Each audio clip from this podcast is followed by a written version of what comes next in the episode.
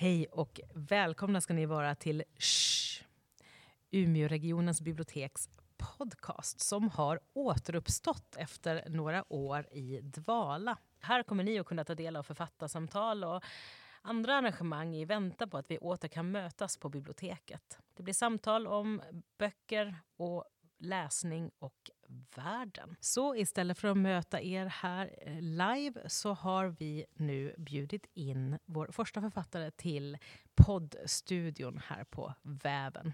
Jag vill säga varmt välkommen till Daniel Nyström som är författare av Gråskalan, en essä om sexism och rasism.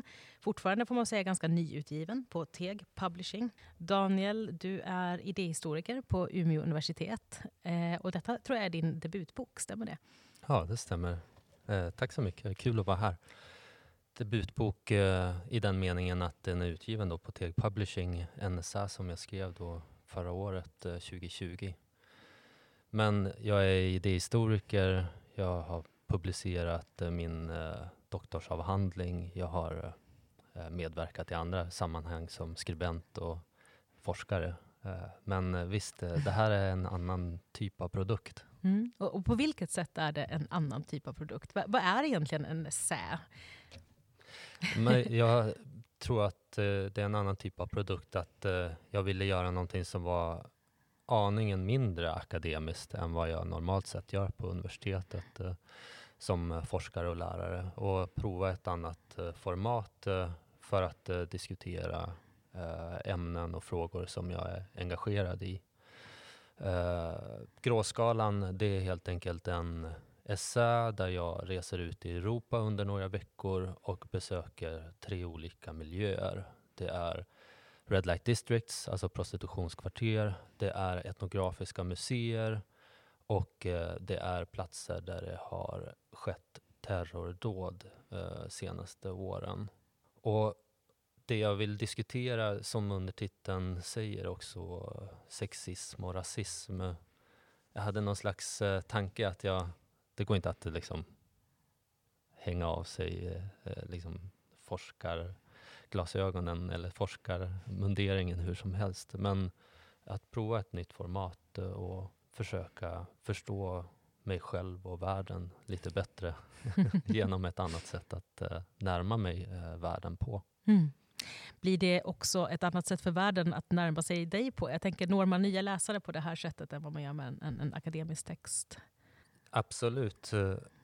Samtidigt så jag värjer mig lite grann mot en sån, liksom, att, eh, ett sånt motiv till att skriva mm. boken. För boken kom till mer organiskt än så. Mm. Det, egentligen resan och skrivandet eh, och eh, det att den publiceras och redigeras för att ges ut, det är ju, kommer ju ganska sent i processen. Det är sällan det är liksom första eh, hållplatsen så att säga. Mm. Sen är det ju också tunga ämnen, alltså att närma sig frågor om diskriminering och uh, olika maktstrukturer och så. Så att uh, där har jag nog försökt uh, ha en ödmjukhet inför skrivandet. Mm. Jag tänkte, du får hemskt gärna läsa ett stycke ur din inledning som kanske också lite ringar in ingången till, till den här texten. Absolut. Så här låter det. Jag är fostrad i en sexistisk och rasistisk kultur. Detta delar jag med alla som vuxit upp i Sverige. Vad det innebär är att jag i vardagen ofrivilligt genomförs av sexistiska och rasistiska tänkesätt som egentligen står i konflikt med mina värderingar och erfarenheter. Många gånger är det sexistiska och rasistiska idégodset det första som dyker upp för mitt inre. Det kan handla om olika könsmässiga och kulturella stereotyper. Dessa impulser i mig står i konflikt med min vilja att göra gott. Men idag upplever jag att det har blivit svårt att stå upp för det goda utan att också förknippas med ett visst åsiktsläger. När jag tar ställning för det goda påklistras jag ofta en etikett. Politiskt korrekt, identitetspolitisk, vänsterfeminist och så vidare. Reduceringen av det goda till ett åsiktsläger pressar mig att förneka den ambivalens och komplexitet jag går och bär på. Istället blir det viktigt att inte uppvisa några sprickor i fasaden. Att på ett övertygande sätt kommunicera att de åsikter jag hyser är i överensstämmelse med den jag är, min identitet. Om jag misslyckas kan jag räkna med att tappa trovärdighet inför såväl meningsfränder som meningsmotståndare. Tack Daniel. Vad jag hör när du läser det här det är ju en, en upplevelse av att det idag kanske finns ett väldigt starkt krav på, på en absolut renhet. Um, eller en renlärighet kanske.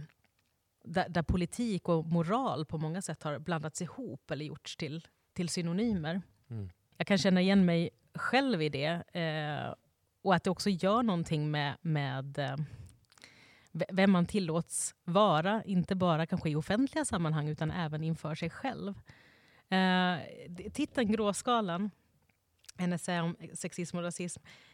När jag, när jag läste boken så tänkte jag att gråskalan är två saker i din text. Eh, alltså att det både är kanske en position att inta, eh, en position i, i, debatten eller i en politisk kamp eller så, som, som delvis saknas eller har gjorts omöjlig idag i ett väldigt polariserat landskap. Men, men det är också ett tillstånd inom oss själva, tänker jag.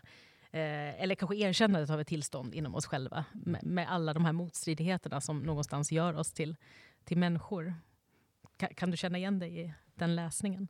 Absolut, eh, och det ryms också i det här citat eller det här avsnittet som jag läste upp precis. Eh, absolut, att uh, eftersom att alla människor går och har olika typer av bakgrunder, eh, känslor, impulser, till och med värderingar som man inte är liksom färdigtänkt kring. Det möter en verklighet som du säger som många gånger avkräver en mycket tydligare eh, positionering, ett mycket tydligare ställningstagande. Så visst, eh, gråskalan, eh, avstampet i boken handlar om det. Att eh, ställa de här två i dialog med varandra. Ens eh, eh, känslor och eh, processer som pågår inom en och hur de möter samhället och omgivningen. Mm. Och samhället du möter det, det eh, är, befinner sig på många platser i Europa och nu bara ett år ja, mindre än ett år till och med sedan boken eh, kom, eh, kom till eller gavs ut så så känns ju plötsligt det här med att resa runt i Europa som någonting oerhört exotiskt. Mm. I den liksom, pandemiska tillvaro vi befinner oss i, i nu. Mm. Eh, och Det blir också en del av bokens lockelse, tycker jag. Den här tillvaron, att bara, bara ge sig iväg och liksom flyta. Eh, men, men hur kom det sig att du valde just resandet som metod för att närma sig de här frågorna? För du hade kunnat göra det tänker jag, hemma på din kammare med hjälp av eh, böcker och eh, internet. Och, eh. Ja, eh, absolut. Ja, men resandet som metod, eh, jag vill inte liksom skapa någon efterhandskonstruktion av att det var så här, jag hade en eh, supergenomtänkt idé. Men vad jag ville göra var ju eh, snarare att eh, placera mig själv i ett annat sammanhang än just eh, kontoret, än just eh, tillsammans med mina böcker.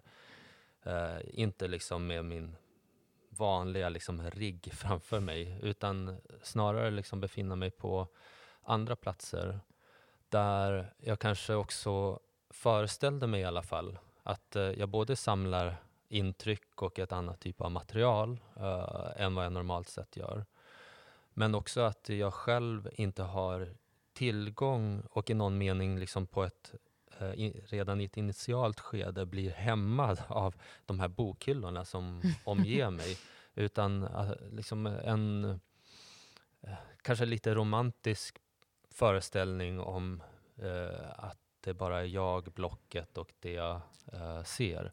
Sen så är det självklart så att jag har ju mina för förståelser och liksom allt det jag har läst och jag är ju jag. Så att jag har inte kunnat lämna mig själv och bara liksom närma mig världen som ett blankt blad. Men pröva någon, en ny metod en alternativt sätt att närma sig de här fråg frågorna kring sexism och rasism som är aningen mer personligt och aningen mer spontant, eller vad man ska säga. Mm.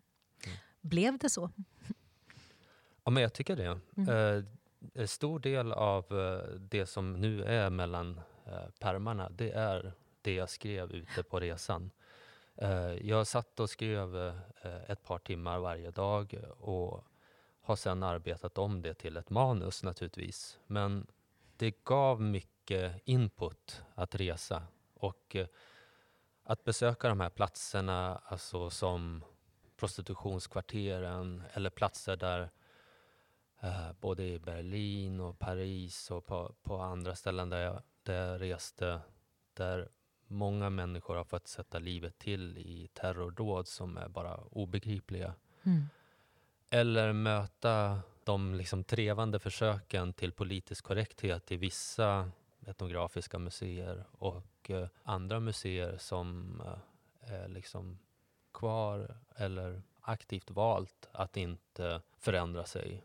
Eh, där är en, en ganska mossig eh, historia som presenteras. Eh, en eh, historia som inte har gjort upp med eh, det koloniala arvet och så vidare. Mm. Ja, men det väckte så mycket tankar så att uh, det gick ganska bra att skriva, måste jag säga. När man läser boken så känns ju på något sätt valet av platser helt självklart. Det, det blir uppenbart hur de hänger ihop fast de ju på pappret är diametralt olika platser. Inte, menar, ett museum och ett Red Light District.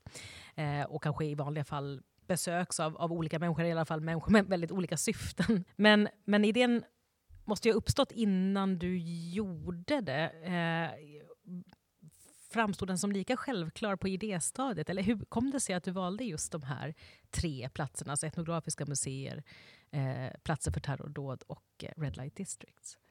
Ja, men, eh, man kan väl säga att eh, jag hade någon slags eh, rudimentär, eh, vad ska man säga, ett rudimentärt ärende redan innan jag gav mig ut. Och det handlar ju om att eh, det kan förefalla paradoxalt att i en diskussion av gråskal, en gråskala och nyanser och komplexiteter eh, besöka vad som många människor uppfattar som ytterligheter. Mm. Men det jag ville med den här boken var ju att liksom plocka ner de här ytterligheterna och visa på att eh, om vi hela tiden beskriver dem som ytterligheter så gör vi också de människor som i någon mening tar plats eh, på de här ställena som någonting radikalt annat. Mm. Och eh, jag, jag, tror inte att det ser ut på det sättet. Jag tror tvärtom att eh, de män som köper sex eh, i hög grad liknar mig, mm. kan ha liknande dubier inför att köpa sex eh, eh, som jag har. Eh, naturligtvis är det en skillnad i att göra det eller inte göra det. Men, men det, om man liksom tänker att vi eh, har en, liksom, liknande bakgrunder, vuxit upp eh, i samma land under samma period, har liknande referenser, populärkulturella referenser, liksom formade i samma politiska klimat och sådär jag, jag, finner det helt orimligt att uh, tänka att uh, de här människorna är någonting radikalt annat. Mm. Och därför så besöker jag de här platserna för att ställa den frågan på sin spets. Mm. Det finns, en väldigt, ja, det finns ju flera skildringar från, från prostitutionskvarter, men, men det finns ju en skildring där du just beskriver männen du ser. Eh, männen som är på väg in eller på väg ut eh, från bordeller. Eh, och där du, ja, men där du för, försöker på något sätt kategorisera dem och, och landa just då i insikten att det, det är inte en man. det är inte en typ. Eh, Uh, och då är det bland annat en person som kommer ut som du är osäker på om det är en hallick eller en kulturarbetare. uh, jag fnissade i alla fall när jag läste det. Men, men, uh, ja, men den där mannen var just... han stack ut just eftersom att han hade en självsäkerhet. Just det. Alltså att uh, han höjde blicken, han uh, mötte min blick, mm. uh, han liksom gick med säkra steg. Mm. det var väl kanske annars någonting som gick igen bland de andra männen jag såg. Att att eh, det var lite svansen mellan benen-känslan. Att man vill inte bli sedd, man kollar ner, man mm. kollar bort. Eh, man, man förefaller lite så osäker och trevande fast eh, det. det egentligen är liksom eh, helt bestämt vad de gör där och vad de har för syfte och mål. Så att visst. Och de befinner sig ju dessutom i länder tänker jag, där prostitution är betydligt mer kanske normaliserat eller av samhället sanktionerat än vad det är i Sverige. Men tabut finns där ändå, inbillar jag mig, i någon grad i alla fall. Ja, det tror jag absolut. Mm. Nej, men, och det var ju också eh, varför de här platserna, tänker jag, att de ligger nära Sverige. Och det är många människor från Sverige som reser till de här eh, orterna och eh, fanns som en poäng med att eh, besöka platser som inte heller de är någonting liksom radikalt annat mm. än vad svenska städer är. Samtidigt som jag tänker att det finns en större spännvidd eh, ute på kontinenten. Att man får se just precis som du säger, platser där prostitutionen är legaliserad. Eller eh, museer som inte har genomgått något slags politiskt korrekt eh, stålbad och, och, och sådär. Så att det, eh, det finns både den här likheten och skillnaden. Och jag inbillar mig att spännvidden också kan vara större då. I vilken mån upplevde du då att de här platserna gjorde någonting, kanske inte bara med ditt tänkande alltså i relation till texten som skulle skrivas, utan blev du, blev du påverkad? Gjorde de någonting med dig? Jag eh, blev väldigt illa berörd. Så var det. Mm. Men jag är, heller inte, jag är heller inte en person som blir så, liksom, tappar fotfästet och blir väldigt chockad och mm. liksom måste samla mig och bli upprörd och så, utan jag gick ju in där lite grann som en betraktare och eh, hade också ett uppdrag. Jag tänker lite grann som journalister kanske gör också, att eh, eh jag har en eh, profession eller en yrkesroll och ett syfte med att vara här och då blir också ens eh, beredskap, på, den blir lite mer förberedd mm. än vad det kanske blir om man bara helt plötsligt exponeras för någonting. Jag hade ju liksom mentalt kunnat förbereda mig för vad jag både skulle vara med om och vad eh, jag skulle mm, kolla efter, eller vad man ska säga. Mm. Du konstaterar vid något tillfälle att någon Paul Holländer är du inte och, och, kommer inte att bli. Alltså för referens då så Paul Holländer gjorde ju en ja, ett konstprojekt och en dokumentär om eh, eh sexsäljare och sexköpare som slutade med att han själv köpte sex mm. av eh, de prostituerade kvinnor som han mötte. Men fanns det vid något tillfälle under resan ändå en längtan efter att kanske nedsänka sig totalt i upplevelsen? Jag menar inte nödvändigtvis just prostitutionen utan överhuvudtaget. Alltså jag tänker, kan, kan det också finnas en, en besvikelse eller en sorg i att inte kunna delta eller uppleva på samma villkor som de som befolkar platsen? Ja, men jag har ju försökt skriva med alltså, lite självdistans och humor också. Alltså det är inte en, en, liksom en gravallvarlig essä om sexism och rasism som jag har skrivit, utan det är i hög grad en, en reflektion över mig själv, mina mm. egna tankar och processer, det faktum att jag är i 40-årsåldern och liksom lämnar ett slags ungvuxenliv bakom mig och går in i eh, ett liv som är eh, mer ansvarstyngt, både professionellt och eh, privat.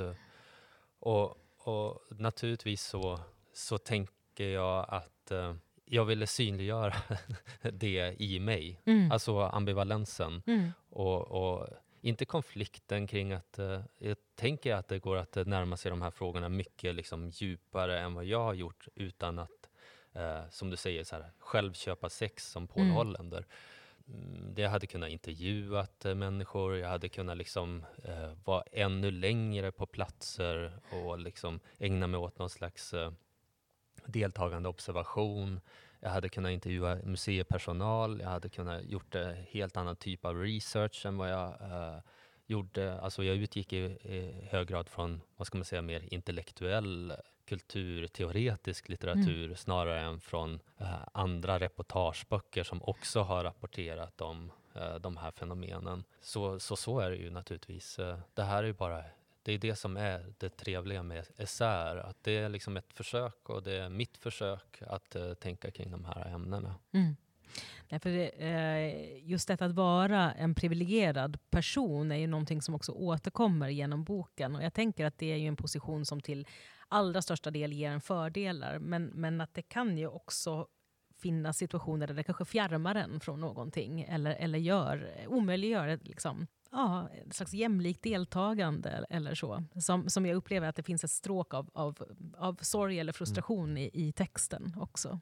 Absolut, det är mm. en av slutsatserna som jag drar, är att eh, jag kan inte lämna mig själv. Mm. Eh, det är liksom, eh, jag blir inte i alla lägen en trovärdig eh, observatör, eller man ska säga, just eftersom att distansen mellan mig och mitt liv och min position i samhället och eh, de människor jag iakttar eller de platser och fenomen jag iakttar är tämligen långt ifrån mig.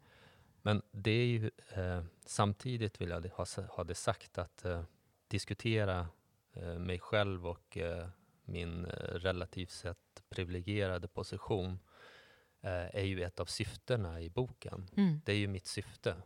mitt syfte är inte att studera prostitutionen eller studera terrorismen, utan det är ju att ta de här ämnena och konfrontera mig själv med dem och inte mig själv som liksom en enda män, äh, människa, en enda individ, utan mig själv som personer som liknar mig också. Mm. Jag, jag, tänker ju att äh, jag äh, ingår i en grupp av människor som har liknande liksom, bakgrund och ekonomisk och social position i samhället och sådär. Mm. Det känns ju verkligen som en högaktuell text och inte minst då eh, dina tankar kring kring godheten. För jag känner igen mig väldigt mycket i detta att, att, eh, att det finns krav på godhet som inte handlar om goda handlingar utan som handlar om att vara en god människa, alltså som en slags essens i oss själva. Och hur mycket skam det föder i en. Ehm, och det tror jag de allra, allra flesta människor kan känna igen sig i. Det är mycket vi måste tränga bort för att leva upp till den här godheten oavsett, tänker jag, vilket läge vi nu tillhör, alltså vilken godhet vi, det handlar om. Så finns det ett slags läckage i oss alla. Mm. Men, eh, men jag funderar ändå på, finns det tillfällen, för, för du är ju ganska kritisk mot den här eh, liksom fixeringen vid, vid godhet, eller kravet på godhet och, och de politiska konsekvenser det får i termer av eh, liksom polarisering och att, att, eh, om vi är goda då måste ju nödvändigtvis våra motståndare vara onda och vad händer i en sån tankemodell, liksom, mm. i den låsningen. Men, men, men finns det sammanhang där godheten också kan vara värd att försvara? Jag tänker att det funnits en kritik också mot godhet från högerhåll, till exempel Ann Heberlein som skrev om den banala godheten och där satte likhetstecken mellan till exempel en generös flyktingpolitik och så vidare och, och en, en slags eh, snedvriden och destruktiv godhet. Mm. Mm. Ja, men eh, jag, nämner, eh, jag närmar mig frågan om godhet snarare från Alltså som idéhistoriker så ägnar jag mig åt textanalyser och en vanlig eh, metod ehm, jag, som man använder i textanalyser är ju att fundera över hur konstruerar texten vår verklighetsuppfattning. Så talet om godhet eller talet om att man tillhör en viss position och andra en annan position, det är det jag menar skapar polarisering. Mm. Jag, jag närmar mig ju inte riktigt frågan om godhet eh, som Eh, ett etiskt, eh, moraliskt eh, dilemma. Utan där har jag ingen vidare liksom, bildning eller skolning. Men, men för att svara på frågan ändå, så, så jag, jag känner igen mig i det du beskriver. Alltså att eh, det kan skapa en slags eh, mm, förvirring eh, om det finns stora krav, tydliga krav på att man hela tiden ska ha en slags fläckfri fasad som man visar upp mot omvärlden. Det, jag för väl inget uh, djupare resonemang om det här i boken, men självklart är det så att uh, om, uh, om det är kravet så har vi väldigt höga förväntningar på varandra och mm. omgivningen. Och vi skulle förmodligen må bättre om vi kan vara lite mer generösa mot varandra på den punkten. Och inte då vara så snabba och kasta första stenen eller, ut, som jag skriver i boken, liksom utmåla syndabockar mm. och liksom säga att så här, fy vad dåliga de är. Mm. Eh, för det blir ju det att eh, den språkhandlingen konstruerar, som du säger, mig som, som god. Mm. Eh, jag är då i alla fall inte en sån. Nej. Bind dem vid skampålen på torget. Och, eh, ja. Eh, Du har ju bland annat väldigt eh, färska exempel i boken kring, som, som väl hände efter din resa men som ändå han leta sig in i texten med till exempel Paolo Robertos sexköp och, eh, eh, som resulterade i bojkott av hans varor och så vidare. Mm. Eh, men vill berätta lite hur du resonerar kring, kring det exemplet? För jag tänker att det är rätt tydligt. Absolut, jag skrev en epilog för att i någon mening knyta ihop säcken. Och eh, det var en händelserik vår med Corona, Black Lives Matter. I Sverige Paolo Robertos sexköp som fick eh, uppmärksamhet och debatterades. eh. Och allt det här eh, gick som in i mina egna resonemang och knöt an väldigt tydligt och blev tydliga exempel på både det jag tycker är problematiskt i samhällsdebatten och eh, någonting som också synliggör att vår tid är någonting sammanhängande. Det är inte bara eh, enstaka händelser och sen går vi vidare. Mm. Eh, det finns ju en sån stark, eh, tänker att det finns en sån stark, eh, eh, det finns en sån konsekvens av tempot eh, i debatten, i sociala medier, att det är egentligen, det uppfattas som enstaka bloss, eh, som så här, blossar upp som en debatt och sen glöms det bort och så går vi vidare. Mm. Men om man ställer de här exemplen bredvid varandra och lite över tid så märker vi att eh, det finns eh, ett större sammanhang, det finns en större kontext som vi ingår i. Mm. Och då fanns det tydliga likheter mellan Paolo Roberto och de debatter om prostitution som jag refererar som eh, längre tillbaka i tiden. Mm. Jag tänkte på det att det här med godheten och dess konsekvens, gott och ont, eh, handlar ju inte heller då bara om oss, utan bland annat dina eh, besök både på, på platser där det har skett terrordåd och på de här etnografiska museerna visar ju också hur godhet och ondhet är konstruktioner på ett liksom, strukturellt plan, där vissa eh, händelser eh, konstrueras som goda eller onda, vissa handlingar konstrueras som goda eller onda. Du har en väldigt intressant eh, passage från, och jag har ingen aning om man uttalar det här. Eh, är det ens franska? Quai Precis, Branly? Eh, Musée de Quai Branly, Branly. Mm. Jacques Chirac. Eh, jag håller med, Quai Branly. Eh, svårt att uttala. Mm.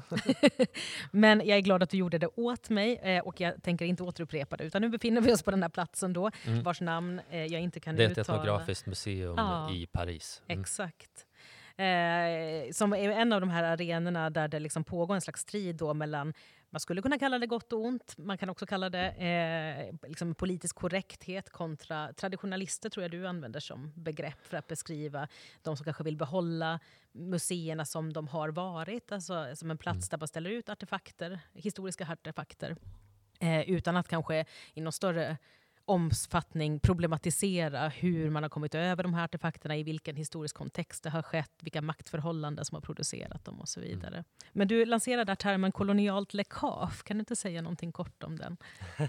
Ja, det är faktiskt lite av en egen konstruktion eh, som jag bara rakt av tog från eh, queer-teori där Mm. man ofta pratar om queert läckage. eh, Alltså att den heteronorma kulturen hela tiden eh, försöker skapa en, liksom, en, vi pratade om fasaden tidigare, alltså Mm. att eh, den är heterosexuell, punkt slut. Eh, men att de normerna och de strukturerna inte lyckas med det utan att det queera, det, de andra begären letar sig fram och kommer till uttryck på olika sätt.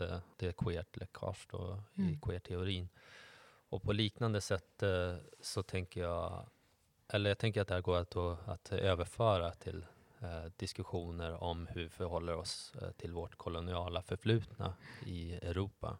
Nämligen att eh, oavsett vad vi väljer för liksom, strategi eller ståndpunkt, alltså inte låtsas om det det koloniala som någonting problematiskt överhuvudtaget eller om vi väljer att göra upp med det koloniala Mm. så kommer liksom det, det koloniala att leta sig fram ändå. Mm.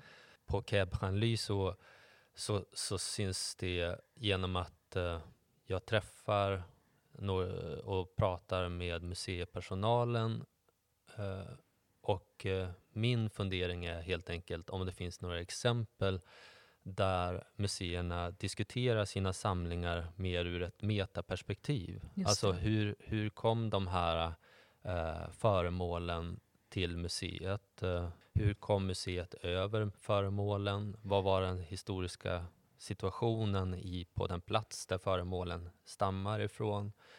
Den typen av diskussioner. Och eh, just där i Paris så eh, var det ett par museivärdar som var ganska oförstående inför den frågan och sa så här, nej, nej. Det här är en plats där vi visar upp eh, världshistoriska mästerverk. Och eh, det må så vara, men eh, det betyder ju inte att eh, föremålen bara helt plötsligt har hamnat eh, där på museet, utan Mm. de är tvärtom ofta antingen rent av liksom, eh, stulna eller tagna vid olika typer av plundringar eller krig. Eller så är de köpta eller införskaffade genom väldigt riggade o- och orättvisa liksom, handelsrelationer. Och det var den typen av diskussioner jag frågade om det fanns exempel på. Mm. Och de menar ju att det inte fanns något sådant exempel. Men eh, sen när man går runt där så märker man ju att eh, det hela tiden skrivs fram lite av den här kontexten. Och eh, jag hittar någon film som är lite grann i skymundan som inte har någon beskrivning av vad det här är för film. Det är inget ljud på filmen, men man får verkligen följa en helt annan historieskrivning än den som är den officiella som museet presenterar. Sen ska man säga det att eh, eh, det är ju deras eh, fasta utställning som, som fortfarande är mer eller mindre oförändrad. Ja. Sen har ju även det här museet, Branly, eh, har ju försökt eh, genom specialutställningar, genom tillfälliga utställningar och sådär, liksom närma sig de här frågorna. Så att jag menar inte att eh, svartmåla ett eller annat museum sådär, utan det här handlar om någonting större, alltså en Någonting som jag tänker att eh, oavsett vilken strategi museer väljer så är det frågor som man brottas med. Jag är ju på det här Afrikamuseum i Bryssel också det. och det är ju ett väldigt tydligt exempel på där man har gjort om eh, den fasta utställningen. Men även där menar jag på eh, att det går att se den här kampen mellan de som vill att det ska vara mer eller mindre som det alltid har varit Mm. och de som vill förändra och revidera ganska tydligt. Och det heter fortfarande Afrikamuseum. Ja, Ja, eh, tänker jag också. Alltså, bara i namnet så finns det kanske fortfarande en, en gammal idé om att det man visar upp där är någon slags eh, en skildring av en kontinent då, snarare än en väldigt specifik konstruktion av den kontinenten. ja håller med. kolonial konstruktion. Ja.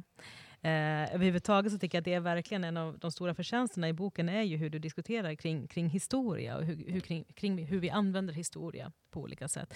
Och att det kanske inte heller finns något givet facit på hur ett museum ska göra till exempel. Alltså att man på något sätt måste konfrontera de här frågorna är väl ganska uppenbart. Det går inte att liksom blunda och bara fortsätta som vanligt. Men, men vad resultatet blir av en sån konfrontation är kanske inte givet Nej. tänkte, jag läste ju din bok samtidigt som, som nyheten kom ut med att eh, Ulf Kristersson går ut och öppnar för samarbete med Sverigedemokraterna och bara dagarna efter så eh, har ju leva, eh, heter det, Forum för levande historia inlett en serie där eh, politiker och andra får tipsa eh, om böcker i samband med att man uppmärksammar Förintelsen. Eh, och eh, väljer då Ulf Kristersson som får rekommendera en bok om om Förintelsen. Och det tänkte jag blir ett så tydligt exempel på hur ju mer vi försluter historien och gör vissa saker absolut onda och vissa saker absolut goda, Eh, desto lättare blir de ju också att använda för egna politiska syften på olika sätt. Det vill säga Ulf Kristersson kan ju omöjligen vara ond eller,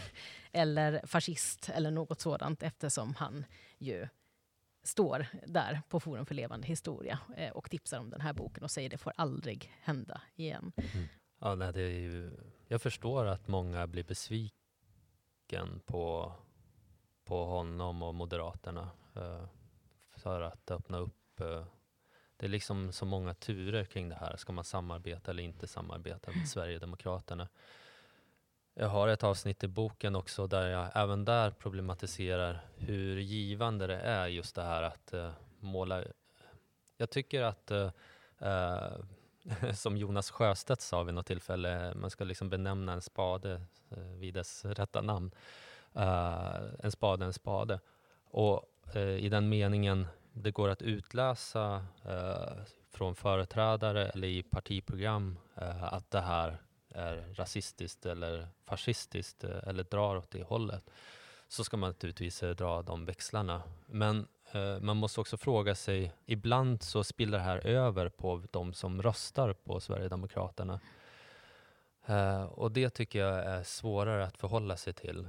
För här har vi trots allt eh, en mycket vidare eh, samhällssituation som går bortom partiprogram och eh, eh, vad företrädare för ett politiskt parti slänger ur sig i media. Det handlar mm. om må, eh, många andra frågor eh, som väljare och människor eh, generellt går runt och brottas med. och då tänker jag att det är de frågorna man kanske behöver diskutera mer snarare än är de som röstar på Sverigedemokraterna är rasister. Mm. Eh, det är en lite korthuggen eh, slutsats. Precis, och en slutsats vi kanske också delvis använder för att slippa fundera på om jag också är rasist. Eh, jag tänker på de här uppropen som kom efter eh, nu blir jag osäker på vilket av valen det var, men ja, via de 90 procenten eller vad man pr mm. pratade om, alltså alla vi som inte röstade på Sverigedemokraterna. Eh, och plötsligt var det som att 90 procent av Sveriges befolkning då var absolut moraliskt fläckfri, mm. god. Eh, och, inte, och det vet vi ju alla att så är det inte. Det, vi kan titta till oss själva, vi kan titta på människor i vår omgivning. Mm. Ja. Ja, men, och det är ju en annan sån analytisk ingång i boken, att jag pratar om det här begreppet vit melankoli, mm. som jag tycker är intressant, som eh, Katrin Lundström och Tobias Hübinette som har, har lanserat, som menar på att de här två positionerna behöver varandra. Dels de här som uh, längtar tillbaka till ett mer etniskt homogent Sverige och dels de idag som längtar tillbaka till ett mer solidariskt mångfalds-Sverige. Uh, men inte sånt som vi har idag när det är så himla liksom, mycket problem, utan mer det här under 70-talen när man kunde vara, ha ett världssamvete och vara solidarisk och mm. bjuda in och eh, liksom visa sig öppenhjärtig och sådär. Och att de här två nostalgiska positionerna behöver varandra för att kunna existera. Och att eh, genom att bara förhålla sig till varandra, man blir lite liksom störd av att eh, invandrargrupper växer sig större och starka och kanske organiserar sig själva och företräder sig själva. Det, det tycker båda de här, både den solidariska och den här mer eh, tillbaka till ett etniskt homogent Sverige, tycker att det är lite jobbigt för att eh, vi är vana att diskutera med varandra, rasister, mm. antirasister, eller vad man ska säga. Mm. Uh, och, och, det i någon mening upprätthåller uh, den nuvarande ordningen. Mm. Jag tänker att det är verkligen ehm, eh, liksom en diskussion som pågår nu kring ja, men hur kan vi praktiskt göra antirasism. Alltså det räcker inte längre med att vi säger att vi är antirasister. Jag tänker att det är också en diskussion som verkligen aktualiseras i och med Black Lives Matter.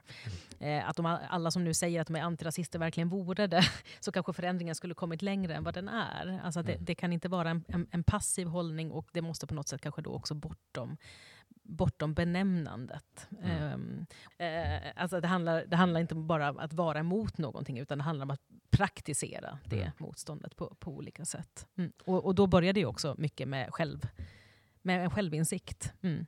Vissa tycker att det är naivt. Eh, alltså, varför ska jag flytta till en invandrartät förort för att göra skillnad? Det räcker inte med att jag bara tar ställning för ett mer inkluderande, öppet, solidariskt Sverige mm. eh, i liksom tanken och hur jag liksom pratar om de här sakerna. Det är en svår fråga. Hur det behöver vara en mer eh, organiserad, kollektiv insats naturligtvis. Mm. Eh, det gör inte så stor skillnad om jag flyttar till den Uh, det området och uh, köper produkter i liksom lokala Eh, butiker eller liksom socialisera med grannar som, inte, som har en annan bakgrund än mig och så Mm. vidare. Om, om det bara är jag som gör det så gör ju inte det heller någon skillnad. Eh, Så att det krävs ju att fler då tänker den kollektiva tanken samtidigt. Mm. Men en sak som jag, som jag brottas lite med när, när jag läser gråskalan, eh, som jag inte menar att du behöver ha ett svar på, men som i alla fall är en fråga som väcks i mig, det är att om vi nu är överens om att polarisering för det mesta är av ondo, eller i alla fall den sorts polarisering vi står inför idag, där vi utmålar då varandra som, som onda och goda. Eh, men var hör då ett motstånd hemma i en sån? Om vi, om vi tänker att, eh, är motstånd och polarisering samma sak? Eller är det två olika saker? Går det att göra motstånd? Du tar själv upp ett exempel, till exempel eh, Eh, hur du själv går ut och demonstrerar. Eh, Sara Lidman eh, håller ett brandtal på torget. Och, eh, du ifrågasätter ju inte ditt deltagande i demonstrationen, men du nyanserade ju ändå genom att säga att vad var det egentligen jag gjorde genom att stå där? Mm. Eh, var det också en polarisering? Eh, hade jag, vad är alternativen? Eh, Du har helt rätt. Jag har inget eh, bra svar på det där. Eh, självklart. Alltså jag tror väl så här att eh, det är en viss skillnad mellan polarisering och motstånd. Eh, ett, kollektivt organiserat eh, motstånd bygger naturligtvis på en viss typ av polarisering. Mm. Men det är å andra sidan någonting som man då förhandlar med många andra människor. Medan, och, och då hoppas jag, alltså det jag tänker att den gråskalans politik, eller man ska Mm. säga, eh, skulle kunna bidra med där, är ju att inom en sån organisering, kollektiv mm, organisering som manifesteras på olika sätt, att det är högt i tak. Mm, Alltså att det går att eh, diskutera inom en sån rörelse. just det. Eh, det, det uppstår så lätt eh, det här eh, kraven på renlärighet och att eh, eh, det får inte vara särskilt dynamiskt inom en rörelse utan det ska tänkas eh, rätt. Mm. Eh, och det är problematiskt eh, och det spär på polarisering. Det har varit eh, eh, andra debatter om det här, eh, om renlärighet eh, i Sverige under senare år. Och jag, jag håller ofta med de som säger att det måste vara en större spännvidd inom en grupp eh, och tillåtas en större spännvidd Mm. eh, inom en grupp. eh. Jag tänker att det finns en, en sådan diskussion eller självkritik inom delar av arbetarrörelsen nu till exempel, eller inom, inom vänstern, där man ser att arbetarrörelsen ju historiskt byggde på just det, att alla arbetare är naturligtvis en del av arbetarrörelsen. Mm. Punkt. Mm. är du arbetare så är du också en del av arbetarrörelsen. Mm. Och så har ju kanske inte vänstern bedrivit politik idag i någon större utsträckning, utan det har kommit då tillsammans med en kravlista på något sätt på vilka åsikter du behöver bocka av för att Mm. vara välkommen. Mm. Mm. Nej, jag håller med. Men eh, jag tänkte på, eh, du beskriver eh, ögonblicksbilder från, från terrorbekämpning och från polisiära åtgärder. Bland annat blir du eh, visiterad. Eh, var det på ett tåg? En tågresa? Ja, exakt. Ja. Eh, och du beskriver detta som en slags fläckvisa insatser. Mhm. Alltså hur, vi, hur mycket terrorbekämpning sker väldigt reaktivt. Alltså först händer ett dåd Mm. eh, och efter det så gör man vissa åtgärder kanske den, på den specifika platsen. Eller, eh, du kan säkert beskriva det bättre än jag, hur de här fläckvisa åtgärderna eller insatserna kan se ut. Jag tror att jag beskriver det delvis orättvist. Alltså självklart så görs det mycket systematiska insatser mot terror och liksom säkerhetspolis och liksom det finns ett stort säkerhetstänk eh, i relation till terror. Men eh, det finns också ett väldigt starkt fokus på just, eh, vad ska man säga, mer polisiära säkerhetsinsatser snarare än att man närmar sig frågan mm, på ett bredare plan. Alltså, eh, vad, är vad är roten till problemet? Eh, om det bara är att man ska liksom eh, genom att bygga säkerhetshinder för att kunna för att skydda sig mot eh, terrordåd, då har man nog inte gått till roten av problemet. Eh, Mm. Och det är det jag menar att när man då bygger nya eh, sådana här eh, betonglejon och ställer ut på, på Drottninggatan i Stockholm och så skyddar man eh, Drottninggatan lite mer genom det. Fast inga andra platser eh, i Stockholm eh, får någon liknande typ av eh, skydd. Mm. Då är ju det en fläckvis insats. Mm. eh, Och eh, jag tänker att det där är lite av ett eh, släcka bränder-tänk. Att om det lugnar människor temporärt Mm. så är det som en insats som är tillräcklig. Mm. Men, men så är det ju inte. Det behövs till mycket bredare insatser som också liksom är av en annan art än att eh, liksom bygga hinder eller avlyssna mm, eh, datatrafik och telefonsamtal. Jag tänkte både på de här lejonen på, på Drottninggatan och också den här polisinsatsen som du ganska snart förstår framförallt handlar om att demonstrera för passagerarna på det här tåget att vi, vi finns här, vi gör saker, eh, alltså vi markerar en närvaro som, Mm. som inte i första hand kanske handlar om att ta fast någon.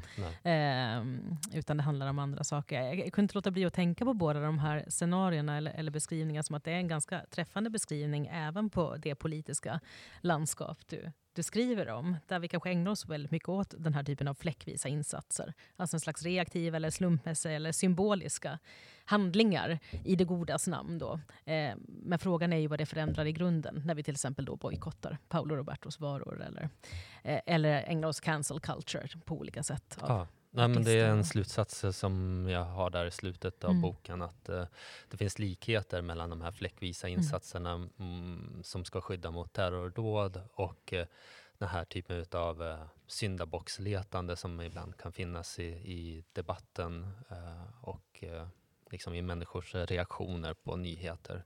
Att så här, ja, då eh, staddar vi bort den personen eller det fenomenet. Eh, men vi har inte närmat oss eh, den bredare problematik som ryms därunder så att säga. Men om man ska tänka lite hoppfullt då, var tycker du att du kan eh, hitta igen gråskalan i, i samhället idag? Fin, finns det något utrymme för gråskalorna? Och var, var hittar vi den i så fall? Hur ser det ut inom akademin till exempel? Som man ju, i alla fall jag som då inte tillhör forskningsvärlden inbillar mig att där om någonstans måste det väl finnas utrymme för just de här nyanserna och, och motstridigheterna. Ja, alltså, jag, jag vill verkligen understryka att jag menar inte att eh, alla som skriver om eh, svåra ämnen gör det på ett svartvitt sätt och liksom på ett polariserande sätt, utan det här är ju liksom tendenser till polarisering Mm. som jag diskuterar. Inte att det är på det ena eller andra sättet. Men jag tror och tycker att det lutar mer åt det här att man ska ha en tydlig position, att man ska liksom ha en fläckfri fasad och att man ska liksom positionera sig mot eh, de andra på olika sätt. Det finns starka sådana tendenser. Och jag tror att eh, det finns eh, konkreta exempel är väl att, eh, precis som du säger, det, det pågår eh, väldigt nyanserad forskning hela tiden. Det Mm. skrivs eh, skönlitteratur och liksom, reportage som, som har den uttalande ambitionen att försöka förstå ett fenomen på djupet och i dess komplexitet och bena i vad, vad liksom, hur, någonting som är sammansatt, vad det är sammansatt av så att säga. Ja. Det är ju eh, en eh, diger referenslista på, på, eh, i den här boken. Alltså du har, går ju i ständig dialog med, med andra författare och tänkare. Det är nästan som att de vandrar på gatorna där med dig i Red Light District och eh, på museet. Men har du några personliga favoriter eller lästips för den som nu kanske har läst Gråskalan eller tänker läsa Gråskalan och liksom vill fortsätta utforska den här terrängen? Och då tänker jag att det skulle kunna vara skönlitteratur egentligen lika gärna som, som facklitteratur. Eh, ja, alltså det är ju dels de, som du säger, de uh, böcker och texter som jag refererar till i boken uh, som, som har varit också inspirationskällor till mitt eget tänkande kring de här frågorna. Eh, jag nämner Joan, Joan Scotts Mm. eh, Slöjans politik. Eh, jag är inne och diskuterar Katrin Lundström och Tobias Hübinetts eh, Vit melankoli. Och, eh, de kom ju ut också med en bok om vit melankoli eh, senare under hösten, eh, i höstas. Mm. Adam Hochschilds Kung Leopolds vålnad. Han har skrivit om uh, Afrika museum i, i uh, Bryssel tidigare. Det finns sådana liksom, referenser som jag tycker är väldigt läsvärda. Men som du säger också att det finns andra, man blir hela tiden liksom påverkad av andra texter som inte då letar sig in som explicita referenser. Mm. Uh, jag tar ju upp Erik Lundin ja. uh, i Gråskalan och jag menar, jag tycker att det, det finns... Uh, och Erik Lundin kan vi säga, för den som inte vet, är ju rappare. Precis, svensk mm, rappare. Som diskuterar den här liksom, förortsproblematiken och segregering och implicit rasism mm. i svenska samhället. en annan sån som jag hade med mig, eh, men inte refererar explicit till, är ju Evin Ahmads eh, En dag ska jag bygga ett slott av mm. pengar. Personer som tampas med en liknande typ av, jag tänker att det är någon mening klassresenärens uh, konflikter hos klassresenären som de ger uttryck för, som jag sympatiserar väldigt mycket med. Alltså hur ska man visa solidaritet samtidigt som man i någon mening också uh, letar sig bort Mm. Uh, alltså hur bygger man en bro mellan olika världar uh, som, som uh, jag tycker är väldigt intressant. Mm. Du har ju själv en, en bakgrund som eh, musiker. Eh, jag tänker att kulturen eh, och kulturens roll eller kraft, eller vad man ska säga, är liksom lite tvetydigt skildrad i Gråskalan, där det finns kanske både Eh, du nämner till exempel Erik Lundin och så, men, men det är också en fantastisk episod där du går på eh, spelning med Solar i, visst är det i Bryssel? Mm på en klubb där eh, och blir ganska desillusionerad kring, kring eh, vad, liksom, ja, vilken roll musiken till exempel kan spela i, i, i ett politiskt förändringsarbete eller, eller i eh, hur vi kanske förändrar oss själva. Kan du inte berätta lite om den spelningen?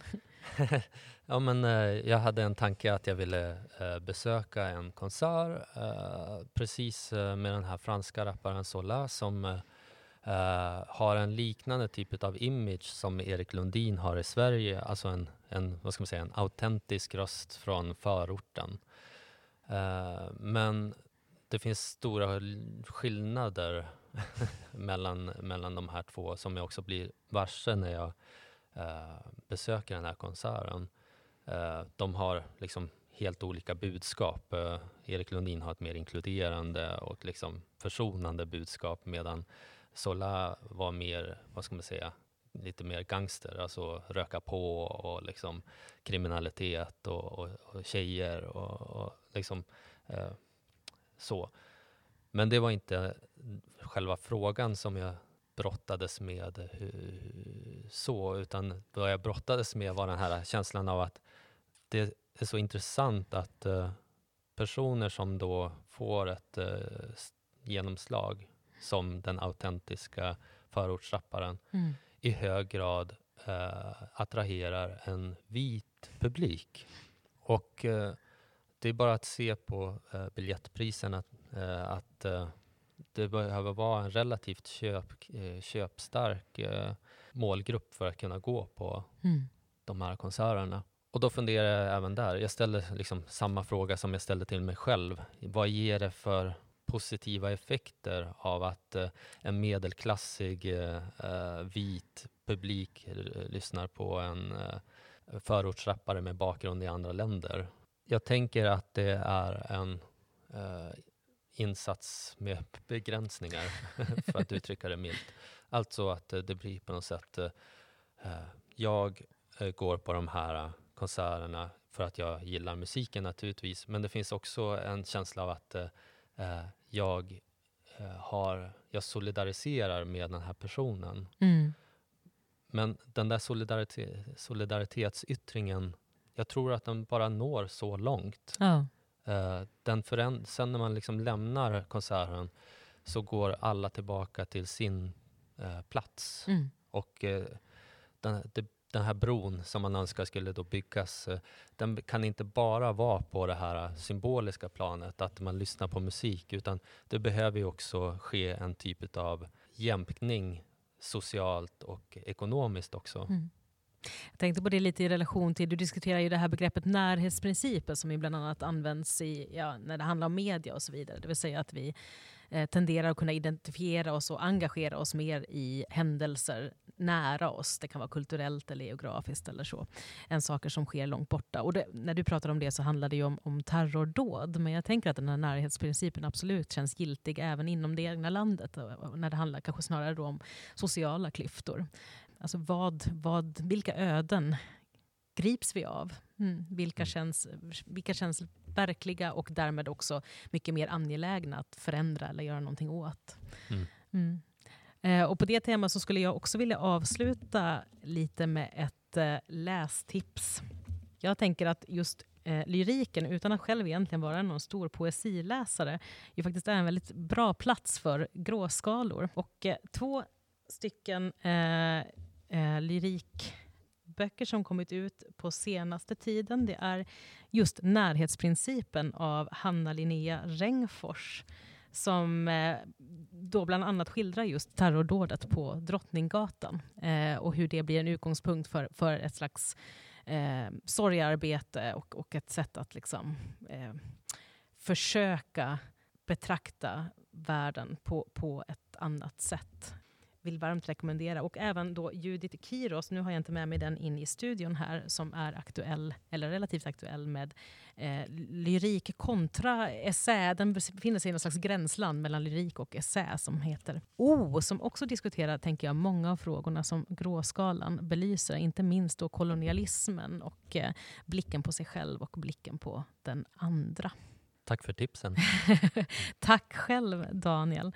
Är det någonting du känner att du vill ta upp som vi alldeles har missat under den här tiden tillsammans?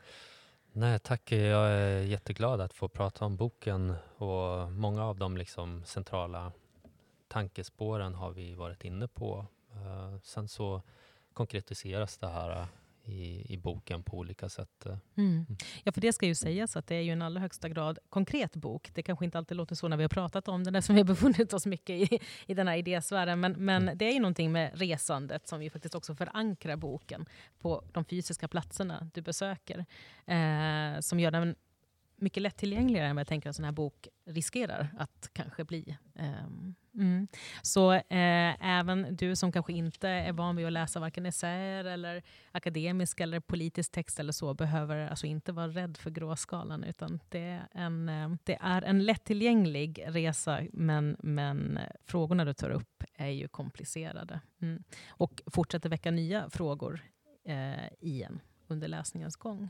Då eh, vill jag säga ett varmt tack till dig Daniel för att du tog dig tid att komma hit till Väven. Tusen tack. Och med det säger vi varmt tack till er där ute som har lyssnat på den här nypremiären av podcasten Shh. Vi ser mycket fram emot kommande avsnitt där vi kan avslöja redan nu att eh, nästa avsnitt kommer att bli en liten specialpodd i samband med Barnens Littfest. Så håll utkik efter den.